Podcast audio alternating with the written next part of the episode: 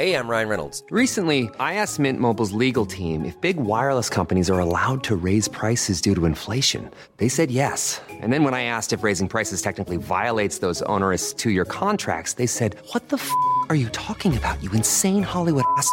F- So to recap, we're cutting the price of Mint Unlimited from $30 a month to just $15 a month. Give it a try at mintmobile.com slash switch. $45 upfront for three months plus taxes and fees. Promo rate for new customers for limited time. Unlimited more than 40 gigabytes per month. Slows. Full terms at mintmobile.com.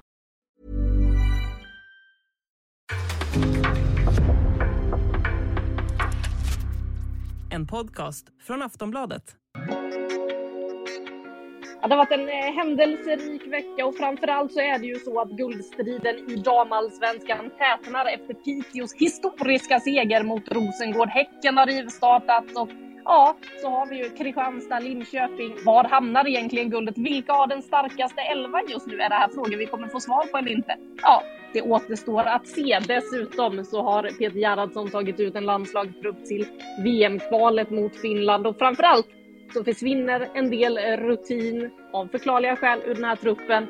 Lite nya namn in. Vi ska analysera, diskutera och ni får dessutom höra Peter Gerhardsson själv. Det blir ett lite stökigt avsnitt. Jag ber så hemskt mycket om ursäkt för det, men jag hoppas att eh, ni vill hänga med. Så ja, vad väntar vi på? Nu sparkar vi igång.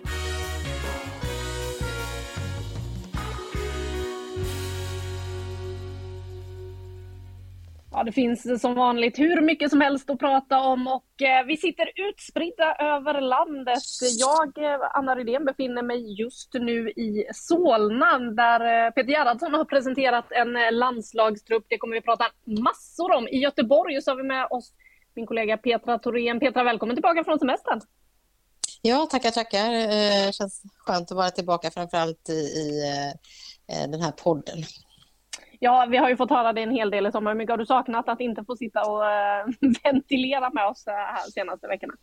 Ja, jag, mina tränarkollegor får, har fått debriefa all, all fotboll som jag har upplevt eh, vid sidan av mitt jobb. Så att eh, de är nog rätt glada för att, för att jag har er istället att, att eh, prata med. Härligt. Och med oss nerifrån Malmö via Plays expert Saga Fredriksson. Eh, Saga, hur är läget nere i Malmö? Det är kanonbra här skulle jag vilja säga. Eh, riktigt, riktigt bra. Känns nice. Härligt. Det väntar ju dessutom toppmatch i Malmö imorgon. Eh, Vi spelar in det här alltså tisdag. Onsdag har vi Rosengård och Häcken att se fram emot. Men det där det kommer, vi prata mer om om en stund. Vi går in på snabbfrågorna och börjar väl med vilket är resultat förvånade mest eh, den gångna veckan? Om du får börja Saga.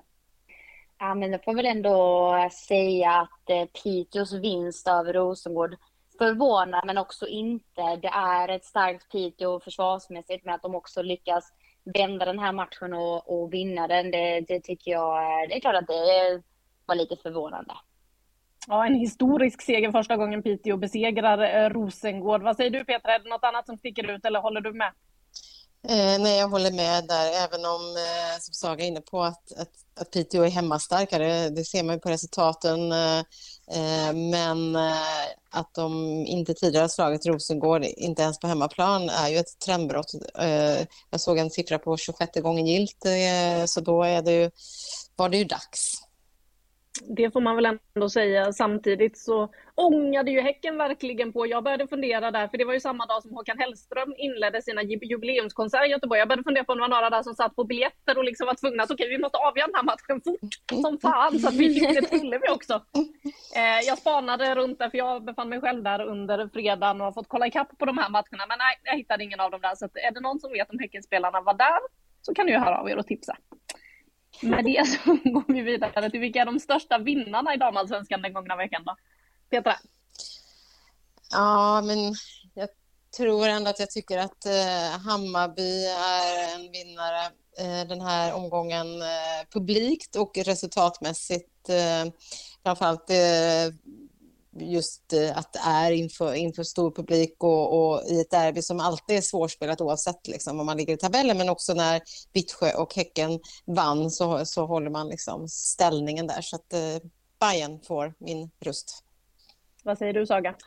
Mm, det är lite trist när vi håller med varandra, Petra, men, eh, men jag får väl ändå också säga det och, och jag riktar väl mest fokus på hur, hur bra laget ser ut. Eh, Eh, för det var ju många vinnare, som sagt stora vinnare var ju Häcken i, i, sin, att de lyckas producera offensivt så pass mycket. Men, men Hammarby, hur de spelar känns eh, genomtänkt och känns som att de äntligen fått träff på ja, men rätt spelare på rätt platser.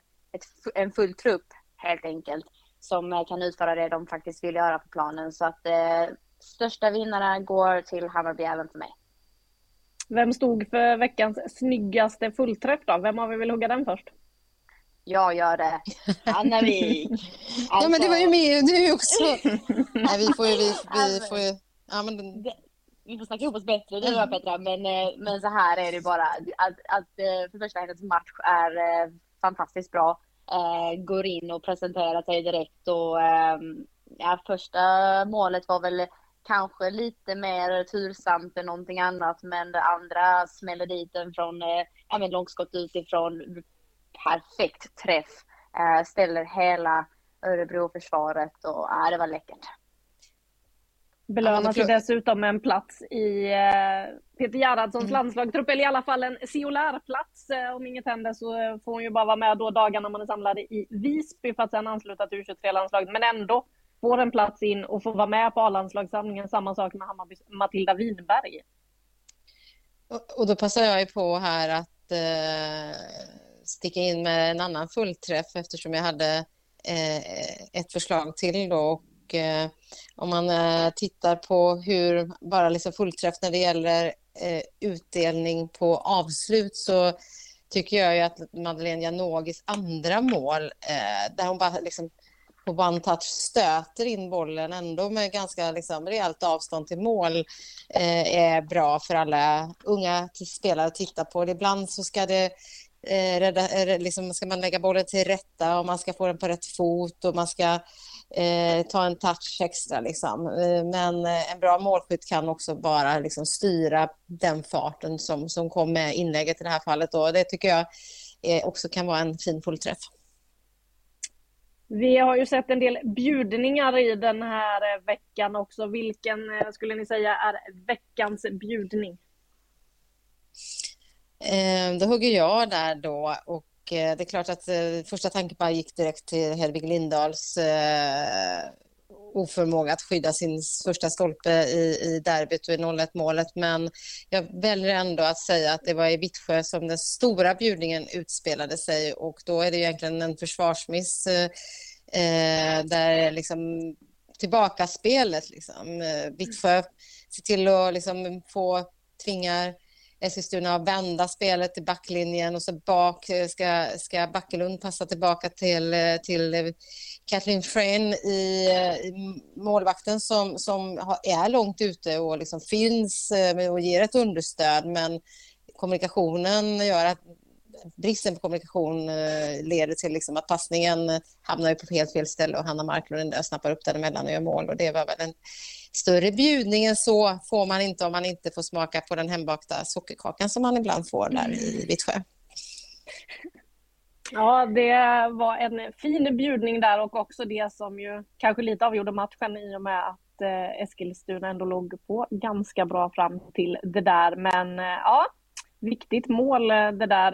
Du var inne på Hedvig Lindahl, Petra. Hon har ju dessutom hamnat i blåsväder den här veckan på sociala medier när hon började med att hylla Hammarbys publikrekrytering inför derbyt då med, mot hennes Djurgården och sen så eh, signerade hon en ung Hammarby-supporters tröja, något som fick Djurgårdssupportrar att gå i taket. Vad är er syn på den här debatten som har blivit?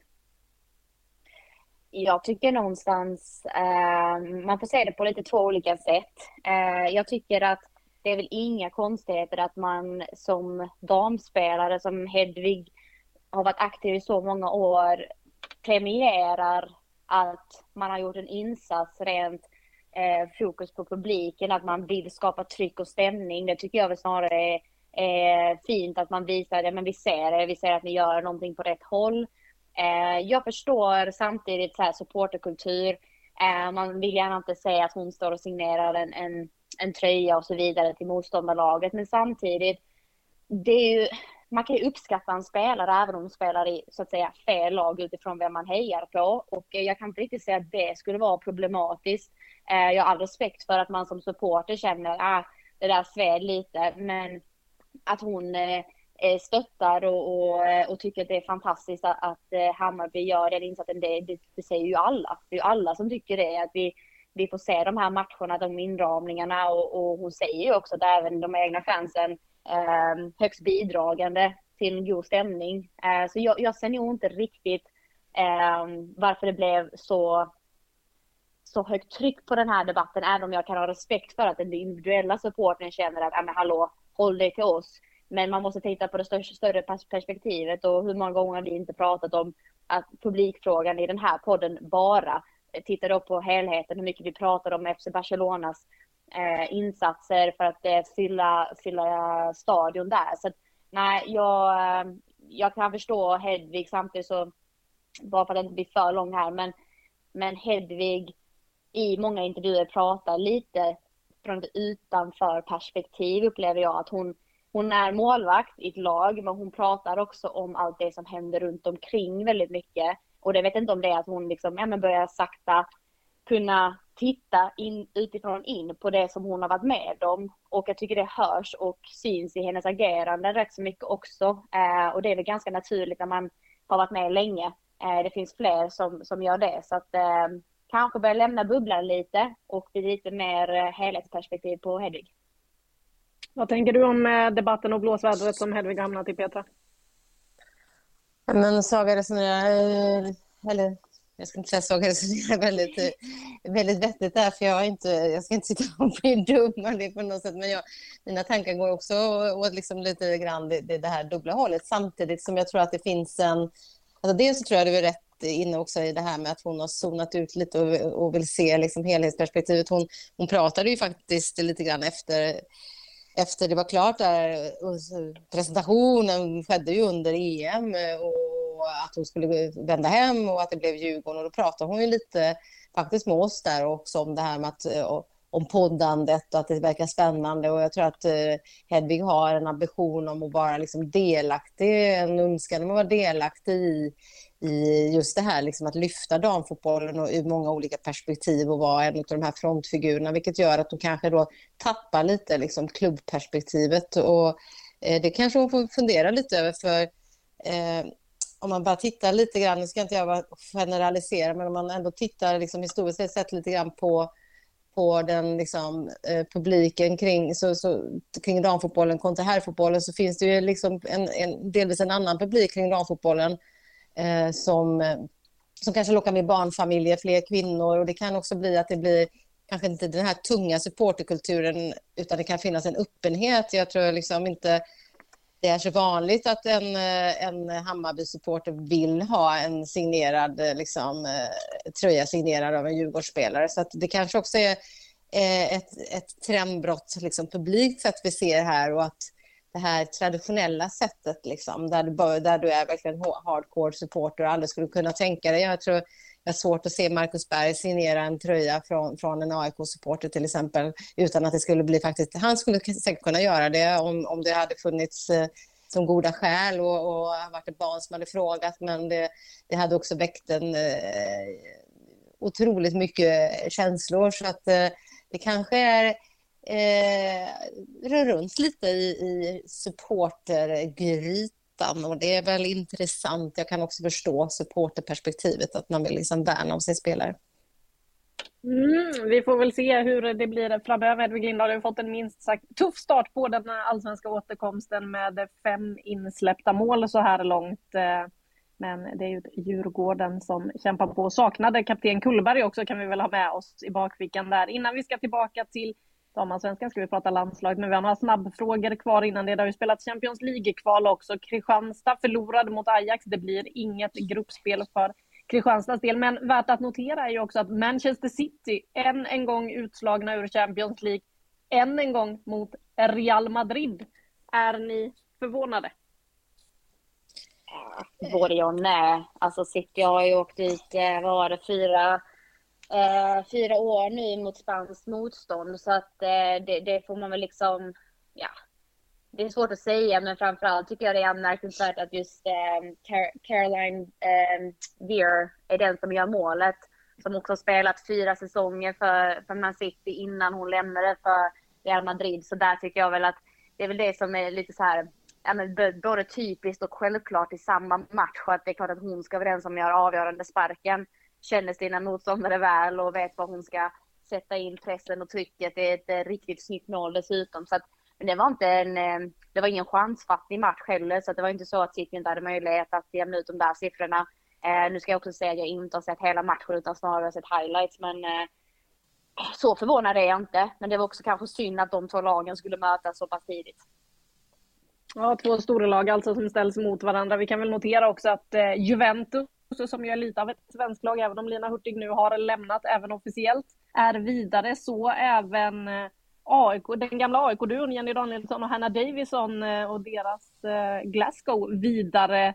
Hanna Davison gjorde sitt första mål i karriären kan vi ju notera. Det var ju snack om att hon inte skulle kunna leverera under hela hösten det har hon visat i Glasgow att det kunde hon tydligen. Vi får väl se vad som händer och sker där. Men när vi ändå är inne på Manchester City, Ellen White, guldet bekräftar att hon lägger av. Eh, Petra, vad tänker du om det som ändå fick se en del av Ellen White på plats i sommar?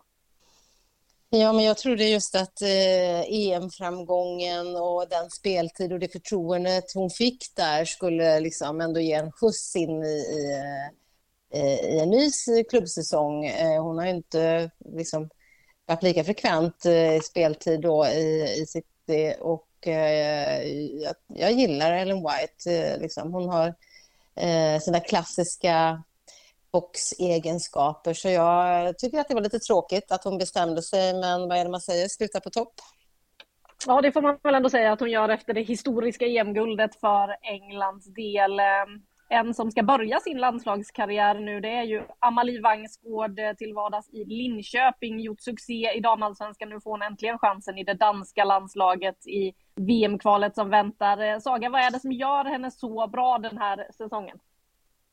Ja, men Petra pratade ju tidigare om Janogis, Janogis eh, eh avslut där eh, mot Djurgården på ett tillslag i boxen och, och eh, jag skulle säga att Vangsgård är kanske en av de forwards i damallsvenskan som är skickligast på det. Um, nästan alltid att hon slår till bollen på ett tillslag och hela tiden hotar backlinjen. Uh, hon är direkt hot rent utav sin snabbhet, men hon har också passat in i Linköpings formation, hur de vill spela. Att hon är så otroligt oförlåtande i boxen tycker jag gör att hon är är så otroligt given eh, som ett alternativ i, i den danska truppen. Och jag har ju sagt det tidigare att jag tyckte det var nästan förvånande att hon inte fick chansen i, under EM med tanke på hur het hon har varit. Men de kanske ansåg att det fanns fler som hade bevisat sig. Eh, var kanske ingen dunderhistoria för Danmark så att eh, det krävs förändring och det har vi sett på många håll i, i världen här nu så att eh, tror att det, det är hög tid nu och hon har fått bevisa sig över tid. Um, men en riktigt vass boxspelare, spelar mycket på ett tillslag i uh, avslutsläget, tycker det är imponerande att se.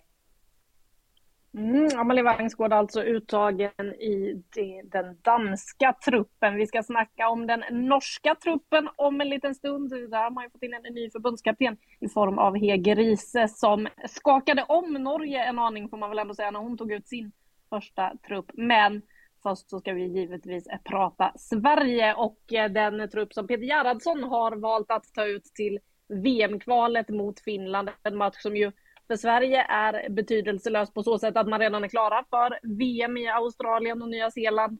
Men som kan betyda något för rankingen. Peter Gerhardsson tryckte gärna mycket på det här att mm, vi ska vinna våra matcher och sådär. Och innan vi hör Peter Gerhardsson eh, själv om det här så vad är era reaktioner på den trupp som han presenterade idag?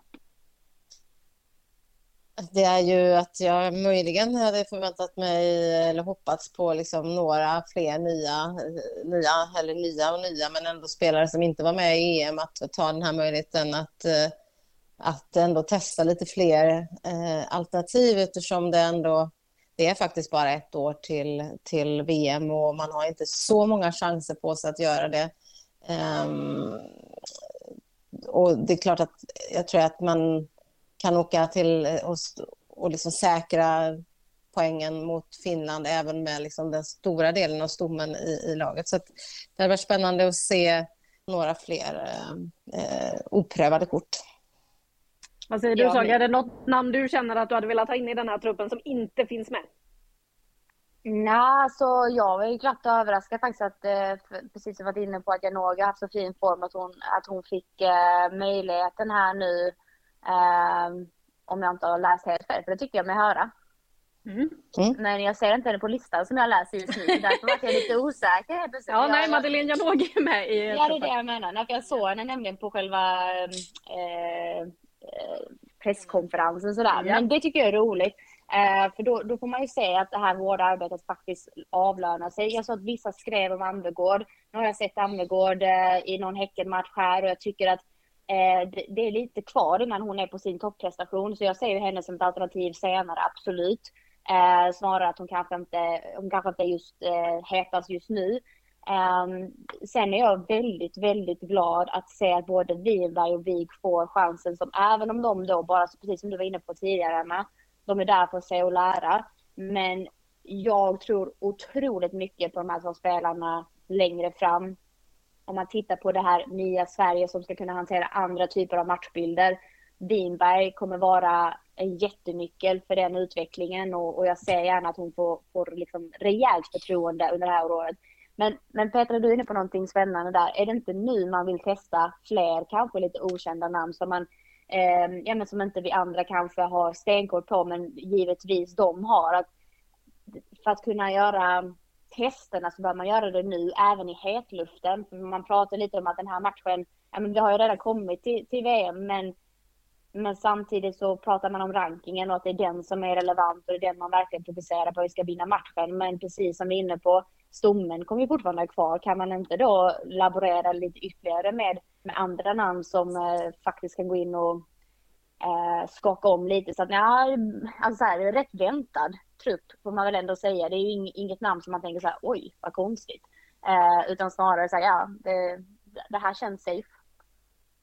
Ja, de som saknades då om man jämför med EM-truppen är ju Hedvig Lindahl bland annat som själv har gått ut och sagt att hon eh, inte själv behöver se sig som första målvakt nu. Hon finns inte med. Istället in då med Emma Holmgren som väl var ett otroligt väntat val på den positionen. Det är ju hon som har kallats in när någon av målvakterna har fått förhinder och eh, Dessutom så saknas ju då Caroline Seger som var inne på förra veckan. Hon har opererats, är out resten av den här säsongen och sen Sofia Jakobsson då som ju spelar i USA som har en eh, lång resväg för att ta sig hit. Man har pratat med hennes klubb och kommit fram till att det viktigaste kanske inte är att hon är med på den här samlingen. Så att det är de som saknas från EM-truppen. Eh, det är, det, det är verkligen inga dramatiska förändringar han väljer att göra, Peter.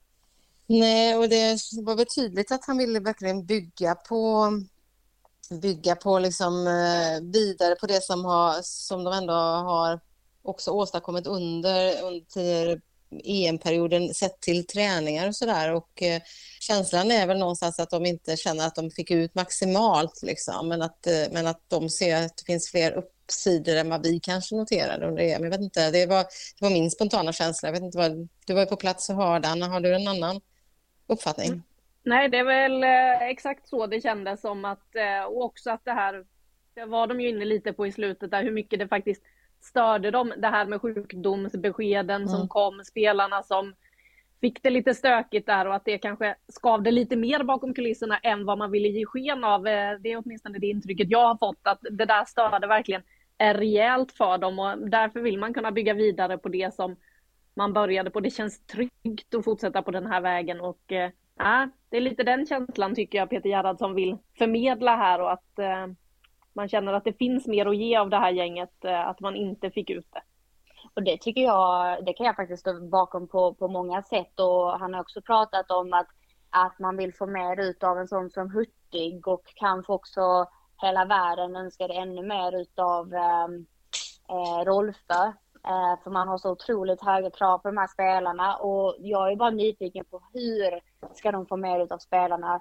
Kan de få andra roller? Är det, är det något annat man vill testa med dem? Så det tänker jag följa med spända ögon för att det är ju en sak att säga, ja men jag vill ha mer ut av den här spelaren, vi måste ta ansvar som tränare för att göra det. Men hur? Vad är det ni vill ha ut av henne? Jag är så nyfiken på att se på om, det, om vi kan se någon tydlig förändring där. Eh, för Hurtig tycker jag är en ganska avgörande spelare för vårt svenska landslag och kanske inte använts på rätt sätt eller fått, som sagt fått ut det mesta av henne. Eh, Rolfö låter jag lite vara osagt för att, eh, att ambitionen finns i den spelaren, det är ingen tvekan. Sen eh, vet vi också vad hon är kapabel till när hon är på allra toppnivå. Så att, eh, är, är det laget eller truppen som har gjort att hon inte eh, kommer till sin rätt eller är det positionen?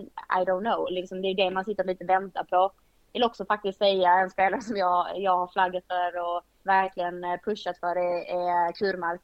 Eh, får chansen här nu. Jag tror att oavsett hur mycket hon får spela så är det en annan spelartyp, en, en lite mer städgumma som ändå är, är fullt kapabelt offensiv. Så, det, så det, det är härligt att se den typen av spelare komma in i truppen. För det möjliggör så mycket för de offensiva spelarna eh, när de vet om att det finns någon som backar upp. Så får vi se om hon spelar. Men eh, om man nu pratar utifrån träningsmiljön och, och kunna testa olika saker så har man en bättre nyans i truppen tycker jag. Och där har man ju en Kurmark då som är van att spela tillsammans med Filippa Angeldal till exempel på mittfältet där vi vet att det finns en position öppen efter Caroline Seger. För jag noterade också att Nathalie Björn finns ju med i den här truppen, men än en gång presenterad som back. Så att vi kan väl ta och gå ut och se om Peter Gerhardsson har tid att prata med oss så att vi kan få svar på lite fler frågor här. Se vad han själv säger om det här. Vi, vi gör ett försök och se om Peter är redo för oss.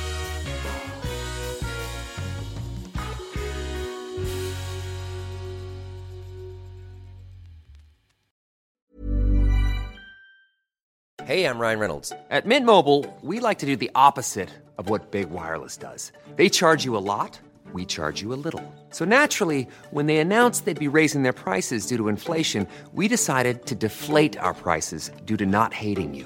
That's right. We're cutting the price of Mint Unlimited from $30 a month to just $15 a month. Give it a try at mintmobile.com slash switch. $45 upfront for three months plus taxes and fees. Promo rate for new customers for limited time. Unlimited more than 40 gigabytes per month. Slows. Full terms at mintmobile.com.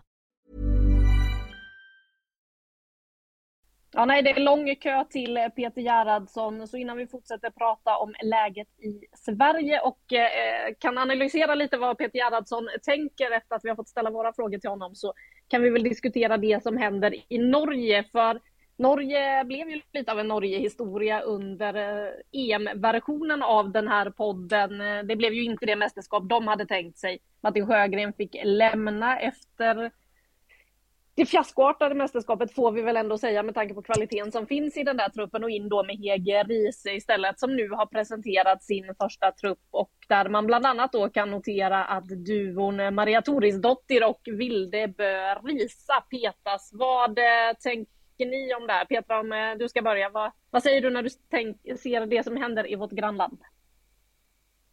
Nej, men det är väl nat ganska naturligt det kommer in en ny tränare, det ska ske ett skifte och eh, hon får identifiera de spelare som, som hon känner att eh, som där hon vill ha förändringar. Och, eh, det, det, det, blir alltid liksom en, en, en rad förändringar. Sen blir det intressant att se då på vilket sätt liksom, och vad det här kommer leda till. Och, och eh, de här var ju med i, som du, som du sa där, de är med i EM, liksom, men, men de startade båda i den här 08-matchen mot England liksom, och fick sen eh, slita lite på bänken och eh, eh, om det är rätt spelare att plocka bort och, och liksom från, från truppen, det, det återstår ju att se. Så att, eh, att det skulle bli förändringar var väntat. Eh, om de blir rätt, ja det får vi nog se lite grann framöver. Men det skakar ju alltid om lite och det finns lite debatt som pågår i Norge nu. Det är kul.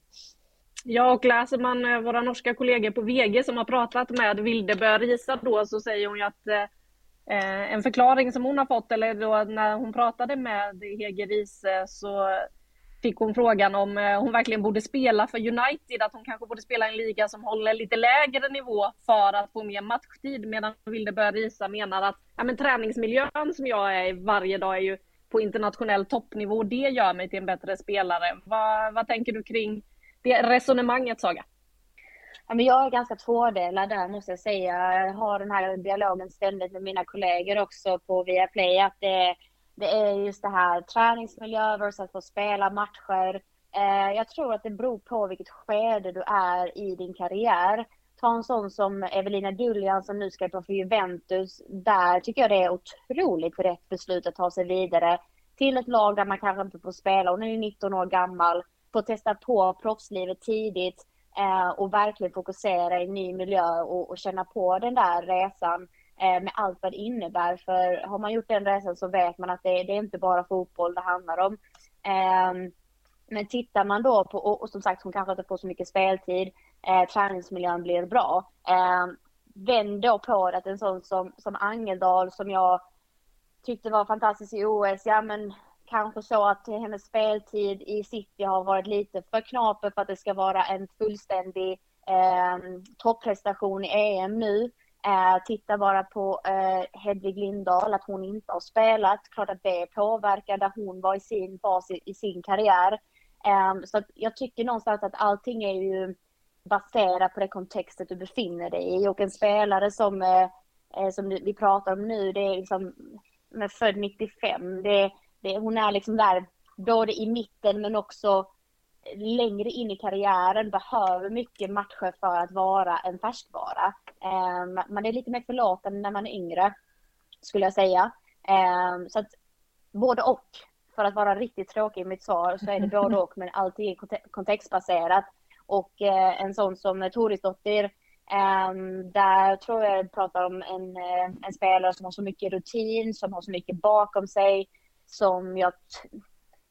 Jag är ganska mycket för att man vågar göra förändringar eh, utan att lägga för mycket värdering i det, utan snarare våga testa, våga lirka, våga tro på någonting annat eh, och ta med dig kvittot från det. För det behöver inte vara en fullträff, precis som Petra är inne på, vi får se hur det går. Men det kan också vara så att du faktiskt utifrån detta hamnar helt rätt i spåret. Gör du inte det, när du vet du exakt vad du får i Toresdotter när hon kommer tillbaka eventuellt. Så jag tror att, eh, mm, att våga testa är inga problem så länge man, eh, man har en, en, bra anledning till det. Liksom. Jag vet att eh, jag reagerade när jag tittade på den norska truppen till EM och tänkte, för vi pratade ju om hur mycket liksom, EM-spelare vi hade i damallsvenskan, men i den norska truppen då fanns inte en enda spelare som hade en klubbadress i Sverige med i EM-truppen som Martin Sjögren tog med sig till England. Nu finns det en spelare med svensk klubbadress, men jag hade kanske spontant tänkt att det skulle vara en annan spelare i damallsvenskan. Den som är med är alltså Eskilstunas eh, Nor Eckhoff. Ingen Vilde Hasund i Hammarby som jag har fått en väldigt fin start på den här hösten får man väl säga. Vad, vad tänker ni om Norekov är med och ingen Vilde Hasund? Uh, jag var nog lite förvånad, uh, ska jag ärligt mm. säga. Uh, Ekhoff är en rätt, de är rätt olika spelare ska man ha med sig. Ekhoff är ju en uh, central mittfältare med, med mycket riv i sig, väldigt eh, bra i sina defensiva kvaliteter också. Jag oroar här på att svära där. Ett väldigt fint eh, avslutsskott. Gud vad jag lyckades ändå hålla tillbaka den där. Eh, det är imponerande, bra sagt. Ja, det var, det var verkligen. Jag gick, gick i farten där. Men eh, så, så, det är ju en spännande spelare i sig och kanske en annan profil. Hasen ser jag med som en eh, kreatör, eh, också ett otroligt fint tillslag såklart. Men men Hasund har inte varit så briljant i första delen av damallsvenskan, ska vi ha med oss. Eh, jag hade jättehöga förhoppningar på henne inför med tanke på att man såg den matchen de spelade mot Häcken i Svenska cupen tidigt där så tänkte jag oj vilken fullträff. Det har de inte plockat ut från henne förrän nu till hösten. Eh, precis som du är inne på Anna, det är en nystart som heter duga så att eh, det där frisparksmålet för ena delen men också hur hon spelade senast mot Djurgården där. Så att, eh, jag tror att Haslund kommer få sina chanser, men eh, det är klart att Eckhoff eh, erbjuder någonting annat.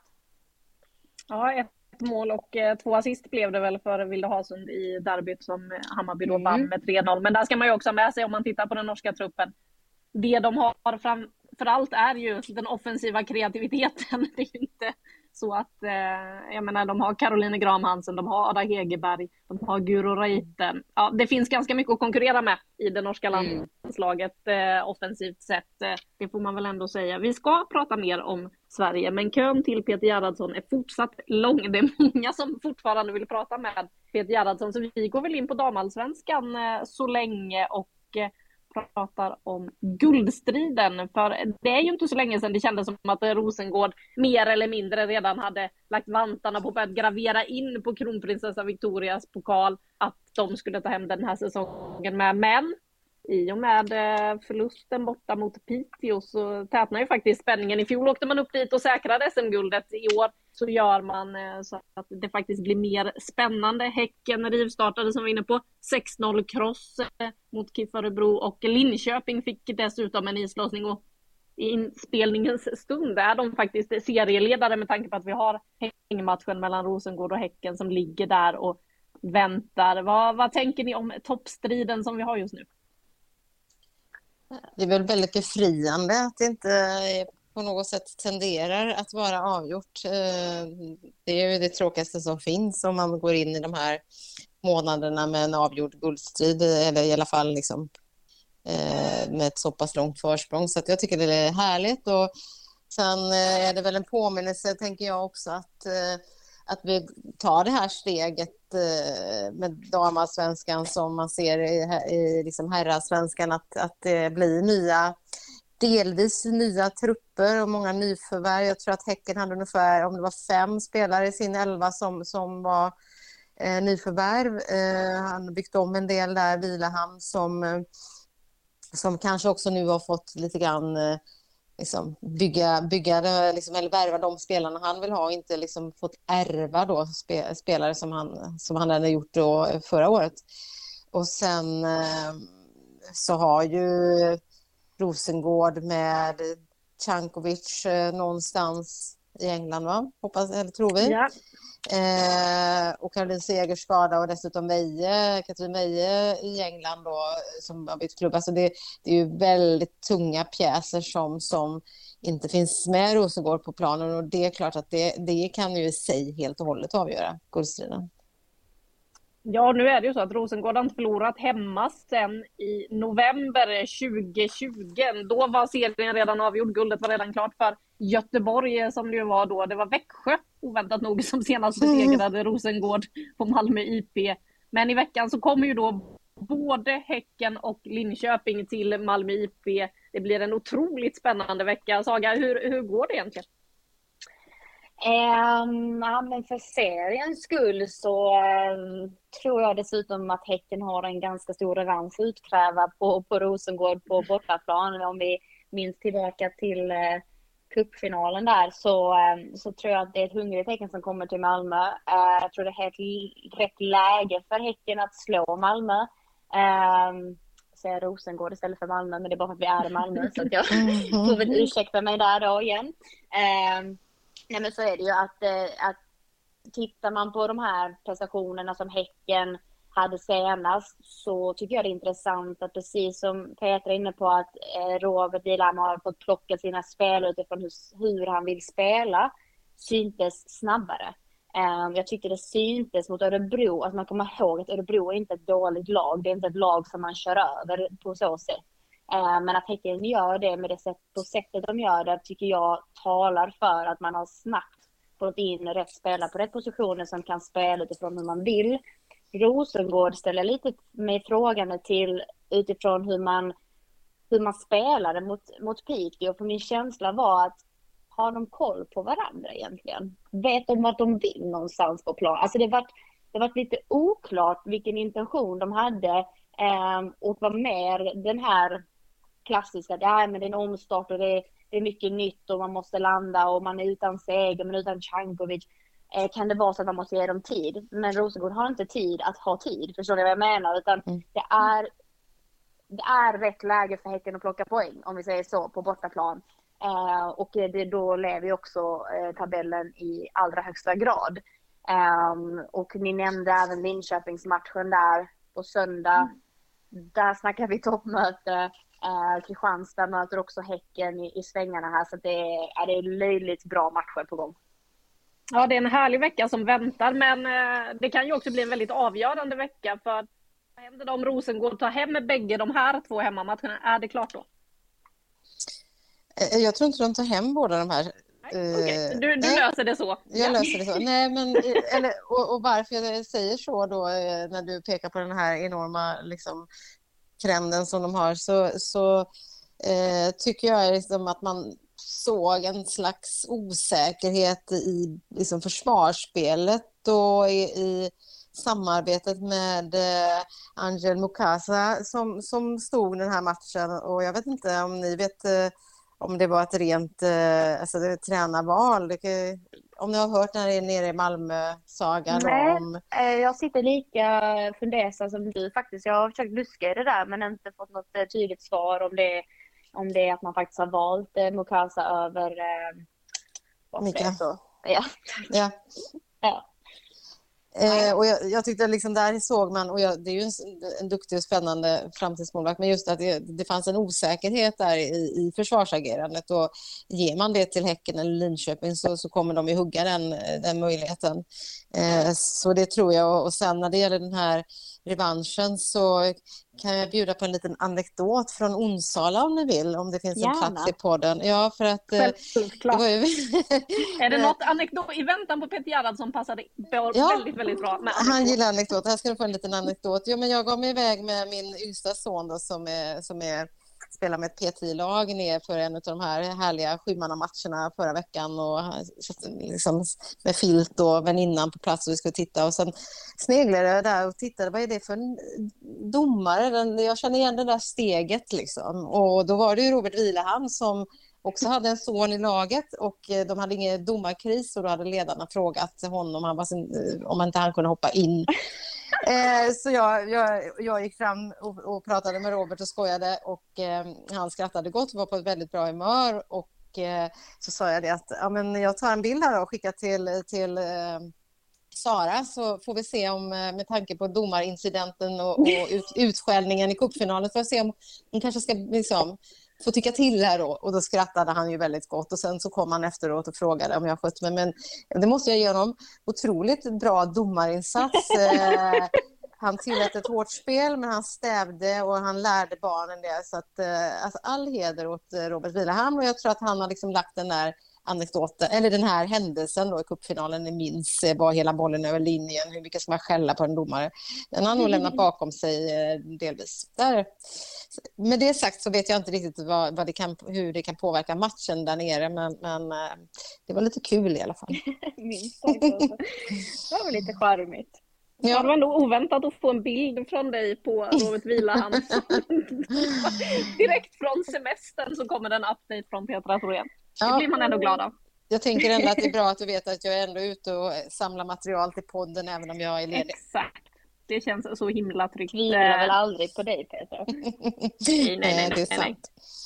Och, Det är det. ja, nej, de har ju revansch att utkräva Häcken för eh, cupfinalen. För att, ja, det satte sig ganska hårt ändå det där målet som blev godkänt och avgjorde hela den. Vi får väl se vad det blir för match. Vi ska inte prata för mycket om den med tanke på att några av er kanske lyssnar på det här avsnittet och redan vet hur det har gått då. Den spelas ju om ett dygn ungefär. Men eh, Peter Gerhardsson har fortfarande inte tid med oss så vi går in på ett ämne till här, nämligen starkaste elvan. För damallsvenskan är ju en liga där det finns en hel del landslagsspelare. Det har kommit och gått under sommaren. Vilka har egentligen den starkaste tänkbara elvan just nu? Är det Rosengård? Är det Häcken? Kan Hammarby, Kristianstad eller Linköping utmana? Vad säger ni? Vilka har den starkaste elvan i den här serien? Jag lutar mig tillbaka och hör på era kloka ord. Det var en väldigt svår fråga tyckte jag, för att när man börjar titta på det så blir man, från början är det lätt att bara säga, nej men det är klart att vi har Rosengård ändå. Eh, och så ser man att, nej men vänta lite, eh, men de här då, Cankovic, Seger och Veje borta eh, just nu så, så är det inte alls så starkt och även om det är en, en kanske då en rotation på målvaktssidan.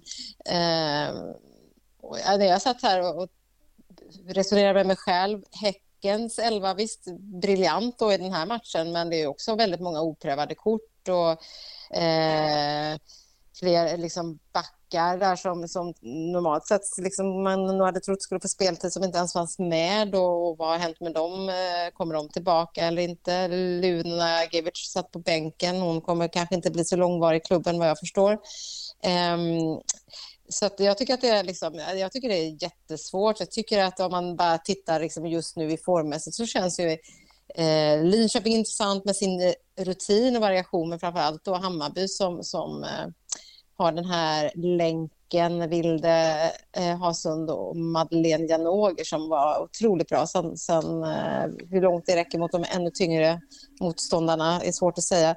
Med det sagt så ja, ja jag kan inte riktigt ringa in eh, det här. Jag behöver lite hjälp Saga, vad tycker du? Um, ja, men jag tror att jag tittar på lite olika saker när jag tänker starkaste truppen. För att det är ju en sak att säga, ja men vem har bästa spelarna och sådär såklart. Men vem har bästa spelarna som funkar utifrån de principerna man vill spela? Um, man, alltså jag måste ändå säga, man glömmer lätt Kristianstad i de här dialogerna. För att, att det som, som Beta eh, Gunnarsdottir, alltså tränaren i Kristianstad, lyckas göra med de här spelarna ehm, är de allra bästa spelarna i hela ligan? Kanske inte, men vad de lyckas göra tillsammans, otroligt intressant. Och jag skulle nog likställa Kristianstad och Linköping där väldigt mycket, att båda de här lagen har lyckats hitta rätt roller för de spelarna de har och få ut det mesta utav det. Och nu har ju helt plötsligt Hammarby också spelat, börjat liksom så här eh, lägga sig i den kampen tycker jag. Vem, eh, ja, men som vi är inne på, Hasund och Janogy, men men också en sån som Kellon Knight som har kommit in och helt plötsligt är tryggheten själv på mittfältet. Inte helt plötsligt, det visste vi om sedan tidigare, men hon är tryggheten på mittfältet som fördelar och, och kan säkra upp för övriga. Um, så Häcken har vi nämnt. Um, intressanta, men jag tycker också lite oprövade fortfarande. Jag tycker imorgon, onsdag alltså, när de möter Rosengård kommer vara ett kvitto på kan de lösa det även mot topplaget. Men annars skulle jag nog vilja luta mig mer och fokusera på är det så kanske att Hammarby Kristianstad har börjat få in rätt spelare på rätt positioner som lyckas utföra det som tränarna har jobbat med hela vårsäsongen. Um, spekulationen fortsätter skulle jag säga. Anna, du får ja. inget svar. Starkaste, för det frågan var starkaste elva just nu, eller hur? Ja, starkaste ja. elva. Det starkaste Starka. tänkbara elvan i nuläget. Mm. Nej, men alltså det går inte att säga. Alltså det, det, är det inte bara en fröjd att vi har x antal lag som har så otroligt härliga elver som hade kunnat, ja men verkligen chocka oss alla när de spelar mot varandra. För just nu känner jag verkligen att den här, de lagen nämnda nu, Eh, vad har vi kommit upp i? Rosengård, Häcken, Hammarby, Kristianstad, Linköping. Det är fem lag. Alla dessa kan överraska varandra. Och det för mig är fotbollsgodis. Men Anna, du får, du får fälla avgörandet här då. Nej, men jag, vill lägga, jag vill lägga in ett namn i alla fall som eh, inte har nämnts eh, apropå Hammarby, eller ja det är ju egentligen några namn där som inte har nämnts i och med vad de har fått in i form av John Andersson och Simone Boye Sörensen mm. till exempel i backlinjen. Men också Kyra Cooney Cross som spelat tillsammans med Elise Kellon mm. Knight. Eh, mm. eh, den australiensiska lovande eh, landslagsspelaren som liksom har hemma-VM då att se fram emot. Eh, kan ju faktiskt vara inne i mittfältet där som vi ser i ett eh, australiensiskt VM-lag med Cooney Cross och Kellon Knight. Det tycker jag är mm. väldigt spännande. Men vet ni, nu knackar det på dörren här. Nämen. Nu är det dags att gå ut och prata med Peter Gerhardsson. Så att eh, vi får inget svar på starkaste elvan tyvärr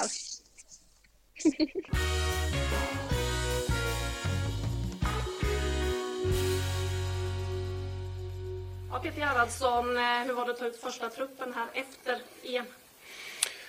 Det är alltid skönt att ta ut trupp för då är det liksom någonstans eh, klar. Det har varit en process naturligtvis alltid innan när man funderar och diskuterar och har så eh, det känns bra nu. Ehm, mycket bygger på kontinuitet med tanke på att många spelare är hela friska. Man har inte kanske kommit igång och spelat mycket vilket naturligtvis också är en del i bedömning att det är svårare att bedöma spelare och därför blir många av de spelarna som var med under EM gjorde det väldigt bra. Många hade velat haft mer speltid. Många fick det, så att, men ja, någonstans där. Hur har eh, semestern varit? Har du inte landat efter EM-äventyret? Ja, det har jag gjort. Men det, det, det, det, tar lite olika tid, det är svårt att säga. Men eh, Ehm, det är alltid en bearbetning och så vidare. Tufft, alltid tufft eh, första tiden. Och nu varar väl någon vecka liksom innan man börjar liksom hitta sig själv och komma in i det hela. Sen, eh, så att, nej, nu, nu känns det bra. Nu ska det bli kul att komma igång igen. Hur mycket var det att bearbeta efter det tunga uttåget? För det blev ju ett ganska stökigt slut också med liksom all coronasjukdomen som kom in och så där. Hur stökigt var det bakom kulisserna? Men det var inte så stökigt under själva mm, man säger, träningarna var väldigt bra. Det var fokuserat. Spelarna och eh, de friska ledarna var, var liksom, eh, ja, väldigt på och så vidare. Det som var jobbigast tycker jag, det var ju alltså, tiden när man inte tränade. Det vart tillbaka väldigt mycket mer ensamtid, mycket mer att vara på rummet. Eh, mindre kanske i gym eller bassäng. det fanns ju fantastiska faciliteter runt omkring men vi, man kunde inte utnyttja det på samma sätt och inte samma sociala del kanske som man skulle göra. Och, så det, var lite, det blev lite så eh, man säger, tråk, tråkigare vardag om man nu ska prata vardag när man, när man jobbar men själva jobbet när det, när det började närma sig match och när jag var här så var vi där är man väldigt fokuserad på att eh, snabbt lägga bort det, jag kan inte göra det här. Eh, men är helt klart det att det vart inte optimalt eh, för att kunna prestera 100, så var det. Dagen efter uttåget så skulle du analysera lite snabbt där och kring och bland annat inne på att ni kände att ni inte hade hittat den optimala rollen för Lina Hurtig bland annat. Hur har tankarna gått där sedan dess och vad tänker du inför den här samlingen nu? För nu ska hon ju in i den här truppen igen? Ja, nej, vi får se. Eh, dels är hon ju liksom, ja, inne i Arsenal här liksom och eh, Eh, hon hade väl en bra roll i, i liksom Juventus. Jag, jag, tror ibland liksom vad spelarna spelar i sina klubbar påverkar ibland också våra eh, val och så vidare. Sen tycker både Lina och, och, och, vi också att hon kanske är bäst till vänster. Det, är, det som har varit är att Fridolina Rolfö liksom är också en av våra absolut bästa spelare. Och, Eh, det gör liksom att konkurrensstationen, eh, man måste flytta på någon i så fall. Sen kan man ibland välja att spela på ett annat sätt men då drabbas någon annan spelare. Så det är många faktorer som spelar in. Men eh, vi får se vad som händer med Lina nu när hon, när hon spelar i Arsenal. Att, eh, eh, det är viktigt vad de, att hur de presterar i sina klubbar. Det är det vi kan se innan uttagningen och så vidare. Men hon är så pass skicklig så att jag hoppas att, att vi på så sätt kan använda bättre än vad vi gjorde under EM. Hur jobbar ni för att försöka hitta de optimala positionerna för spelarna och de bästa rollerna i landslaget för att det ska bli så bra som möjligt? Ja, först tittar vi naturligtvis på, på liksom egenskaperna hos spelarna. Vilka liksom spelare är liksom bäst? Egentligen när man tar ut ett lag så börjar man med dem man själv tycker liksom att äh, hon ska vara på plan. Hon ska vara på plan. Vad, vad ska hon vara? Och så blir det liksom ett pussel därifrån. Och sen finns det en taktisk del också. Motståndare, vilket eh, man säger formation bör vi använda mot de här och det kan det påverka. Eh, relation, vilka spelare passar bra ihop eller kan det finnas någon relation som är bra mellan, mellan ett par spelare och så vidare. Eh, kopplat till den, man säger, utgångsläget i vår idé att spela fotboll offensivt defensivt. Så det, det, är många saker som, som påverkar. Och sen när det gäller laguttagningar och sånt så är det alltid den här frågan med vilka som kan spela 90 minuter och vilka som ska vara mindre, vilka har skavanker och så vidare. Och det här vet ju vi 100 procent. Vi har ju liksom stenkoll på det, men alla har inte det. Och det gör att det av naturliga skäl finns frågetecken ibland varför man inte spelar henne och varför inte hon startar och så vidare. Så här, men vi tar hellre liksom, eh, åsikter om det än att vi ibland berättar allting om det hela. Så att det får vi leva med. Du är inne på det här med relationer och sådär. Ett namn som saknas i den här truppen är av förklarliga skäl Caroline Seger. Tyvärr skadad, har opererats. Eh, men vill komma tillbaka. Men nu måste du ju ersätta henne här. Eh, Nathalie Björn är uttagen som back i den här truppen. Du har med en spelare som Filippa Kurmark. Hon har ju en relation med Filippa Angeldal sedan tiden i Häcken. Hur mycket spelar det in? Och hur tänker du på ersättare till Caroline Seger just nu? Mm, vi får se det nu, för att nu blir hon ju borta här under, under hösten här. Så att, eh, eh vi hade liksom som du säger Nathalie Björn som spelade och gjorde väldigt bra.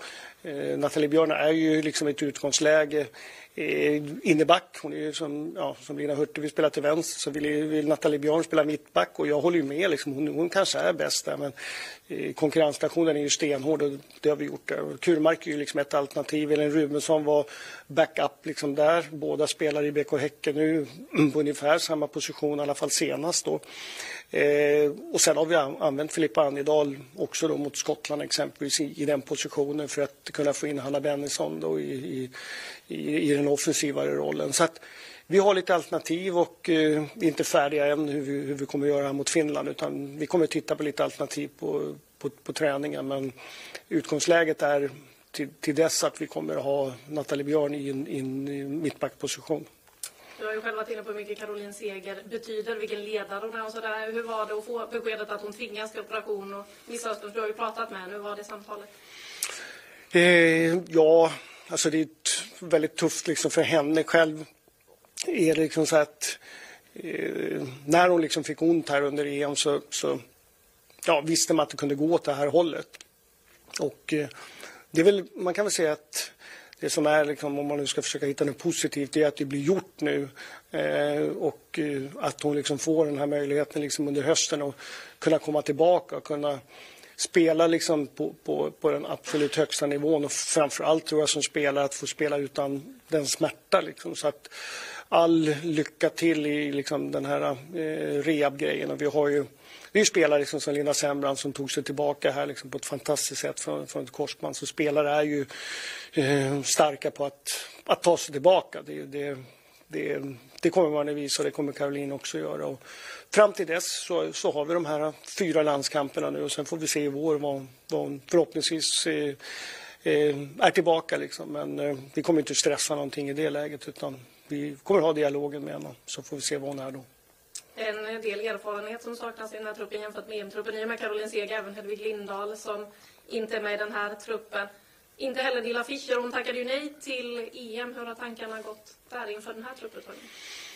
Jag har haft eh, pratat med Nilla och kommer att fortsätta prata med henne inför varje trupputtagning och höra liksom hur, hur det är och så vidare. Och sen eh, fattar vi ett beslut utifrån det och hon får uttala sig på sitt sätt och jag på mitt sätt. Men mm, i nuläget liksom, så tog vi ut den här truppen. Men jag kommer att ha kontakt med Nilla här också då. Så, så får vi se var man är i konkurrensstation och allting sånt där. Och, Eh, när det gäller Hedvig liksom så, så, är, och så är det egentligen med Nilla också att eh, om man nu pratar att man ska ha fyra mittbackar till VM så är ju det målet som är nu VM och eh, tillhör man en av fyra mittbackar som är med, tillhör man en av tre målvakter så vill vara med. Och, oavsett ålder. Utan det kommer handla om prestation för, för alla spelare. Och så har det egentligen varit hela tiden. Utan jag är väldigt glad liksom att, att de här spelarna eh, ja, vill vara med. Liksom, och att även om man då kanske ibland eh, på grund av olika sociala skäl eller skademässiga skäl inte vill vara med. Men, eh, ja, men det, där är vi just nu. Är det Nillas beslut att inte vara med den här gången eller är det ert beslut? Det är någonting mellan henne och mig. Och om vi då blickar mot, nu är det ju då eh, sista VM-kvalmatchen som spelas och så här, men eh, ni börjar ju bygga mot VM. Är det här stommen inför en VM-trupp skulle du säga? Eh, det mycket kommer ju säkert att vara det här. Ehm, så att jag, med tanke liksom på egentligen hur vi, hur vi har byggt det här ifrån från 19 liksom med, eh, man kan säga att man, är, man blir aldrig nöjd förrän man inte står högst upp. Liksom. Men mm, nu tog vi oss till semifinal här och vi hade behövt, vi hade behövt göra mål de här första halvtimmen för att orka, orka med oss själva egentligen. Men vi gjorde inte det utan då blev det liksom lite, lite surt sista delen där. Eh, men många av de här spelarna tycker jag och tror kommer, kommer att eh, kunna prestera även i VM. Sen kommer det säkert att vara några andra som, som vill vara med och så vidare. Och när vi kommer till nästa fönster så kommer vi säkert titta på någon eller några andra spelare som, som, ska, som vi känner liksom ska vara med och konkurrera. Och det innebär inte att de spelarna tar bort det borta utan eh, vi har möjligheten nu att eh, kunna titta på några spelare. Så att, eh, med stommen säkert många av de här som är med i, i, i, VM, så är det. Hur mycket kommer du utnyttja de där möjligheterna tror du att testa lite spelare under året som kommer? Ja, vi får se. Det handlar om vad, egentligen vad spelarna presterar i sina klubbar och eh, naturligtvis en skadesituation och allting sånt där i, i det hela. Eh, men de som vi kommer att spela, så varenda spelare som är på plan under den här tiden kommer att vara aktuella för ett VM och sen har vi en en hel vår som man också ska kunna prestera och så vidare. Och, eh, det kommer bli som vanligt. 23 spelare åker till VM. Många kommer vara besvikna som är hemma och det kommer vara, det kommer vara samma jobbiga situation som inför alla. Men eh, jag, tycker, jag tycker att det finns många av de här spelarna som, som fortfarande är under en bra utveckling. Och framförallt så ser vi liksom att de är i, i bra klubbmiljö. Sen speltid är också viktigt och vi har några spelare som kanske inte har fått maximal speltid för att kunna utvecklas eh, hundraprocentigt och det får vi hoppas på. Egerisen, hon tog ut den norska truppen. Du var inne på att hon eh, till Vilde Barisa hade sagt bland annat att hon kanske borde byta klubb från Manchester United just med anledning att hon borde få mer matchtid. Är det någonting du skulle kunna ringa och säga till en spelare också? Att man kanske borde tänka på sin speltid och byta klubb? Nej, det skulle jag aldrig göra. Utan det, är liksom, det, är som, det är så mycket så komplext. Alltså jag har ju pratat med en del spelare. Det är liksom, eh, är, är det säkert att det blir bättre för att man byter klubb och bara får speltid? Eh, det kan ju faktiskt vara så att eh, det viktiga tror jag det är att klubben och den tränaren tror på den spelaren. Sen om det dröjer ett, fyra månader eller ett halvår och du, du till slut slår in, det kan ju inte jag veta som förbundskapten. Jag har ingen aning om det. Utan det är upp till spelarna och ibland kanske spelarnas agent att, att tillsammans liksom fatta ett beslut som är bäst för spelaren. Eh, ibland kanske man har för bråttom i det hela och du kan fortfarande utvecklas men det är klart att du inte du kan inte gå för länge liksom, eh, och inte spela. Jag tror inte att man tycker det är roligt heller men eh, det där, det där måste de fatta själva eh, i beslutet i, i hur det ska vara. Hur eh, kul ska det bli att träffa gänget igen? Har du hunnit börja sakna dem? Nej, men det, jag har pratat med en del och, och, haft kontakt med alla spelarna på, något, på ett eller annat sätt. Så där. Så att, men det ska bli jätteskönt att, att, att träffa. Liksom. Vi, när, när, det blir som det blir, det blir, det blir lite besvikelse naturligtvis efteråt. Och vi, jag tror ingen är direkt bra liksom dagen efter. Det blir ett väldigt abrupt slut. Så att, det ska bli bra att träffa alla och eh, fortsätta lite kunna prata ut lite med både spelare och ledare liksom, om EM här och vad vi kan jobba för bättre. Vi har ju, vi har ju lång tid till att eh, sätta liksom, planen in, in, inför VM här. Så att, eh, men det ska bli jätteskönt och kul att träffas igen. Så att nu är vi redo igen. Ja, där hörde vi Peter Gerhardsson, alltså förbundskapten, tankarna inför eh, matchen mot Finland som alltså väntar och eh, ja, framåt VM och så där också. Vi får väl analysera hans tankar mer framöver kanske, för nu drar tiden iväg här. Så jag tackar eh, Saga så hemskt mycket. Jag tackar Petra så hemskt mycket och framförallt dig som lyssnar. Vår eh, klippa till producent Julia som är tillbaka. Ja, hon får lite att göra idag och det sista vi ska göra är som vanligt att dela ut 5 plus. Det ger vi den här veckan till toppmatcherna som väntar. Det vi har varit inne på. Det är en spännande vecka i damallsvenskan. Vi får se om det lever upp till betyget 5 plus eller inte. Lika bra att dela ut det på förhand så att eh, de får lite press på sig. Med det hörni, så säger jag tack och hej. Vi hörs igen nästa vecka. When your skin feels nourished and glows, you radiate confidence. Osea makes giving your skin a glow up easy with their clean, clinically proven Mega Moisture Duo. This seaweed powered duo features two of Osea's best sellers, Undaria Algae Body Oil and Undaria Collagen Body Lotion. Glow from the inside out. Get 10% off your first order with code GLOW at OseaMalibu.com. That's O S E A Malibu.com code GLOW.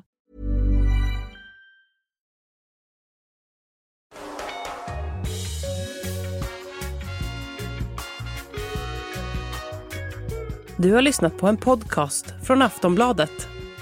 Ansvarig utgivare är Lena K Samuelsson.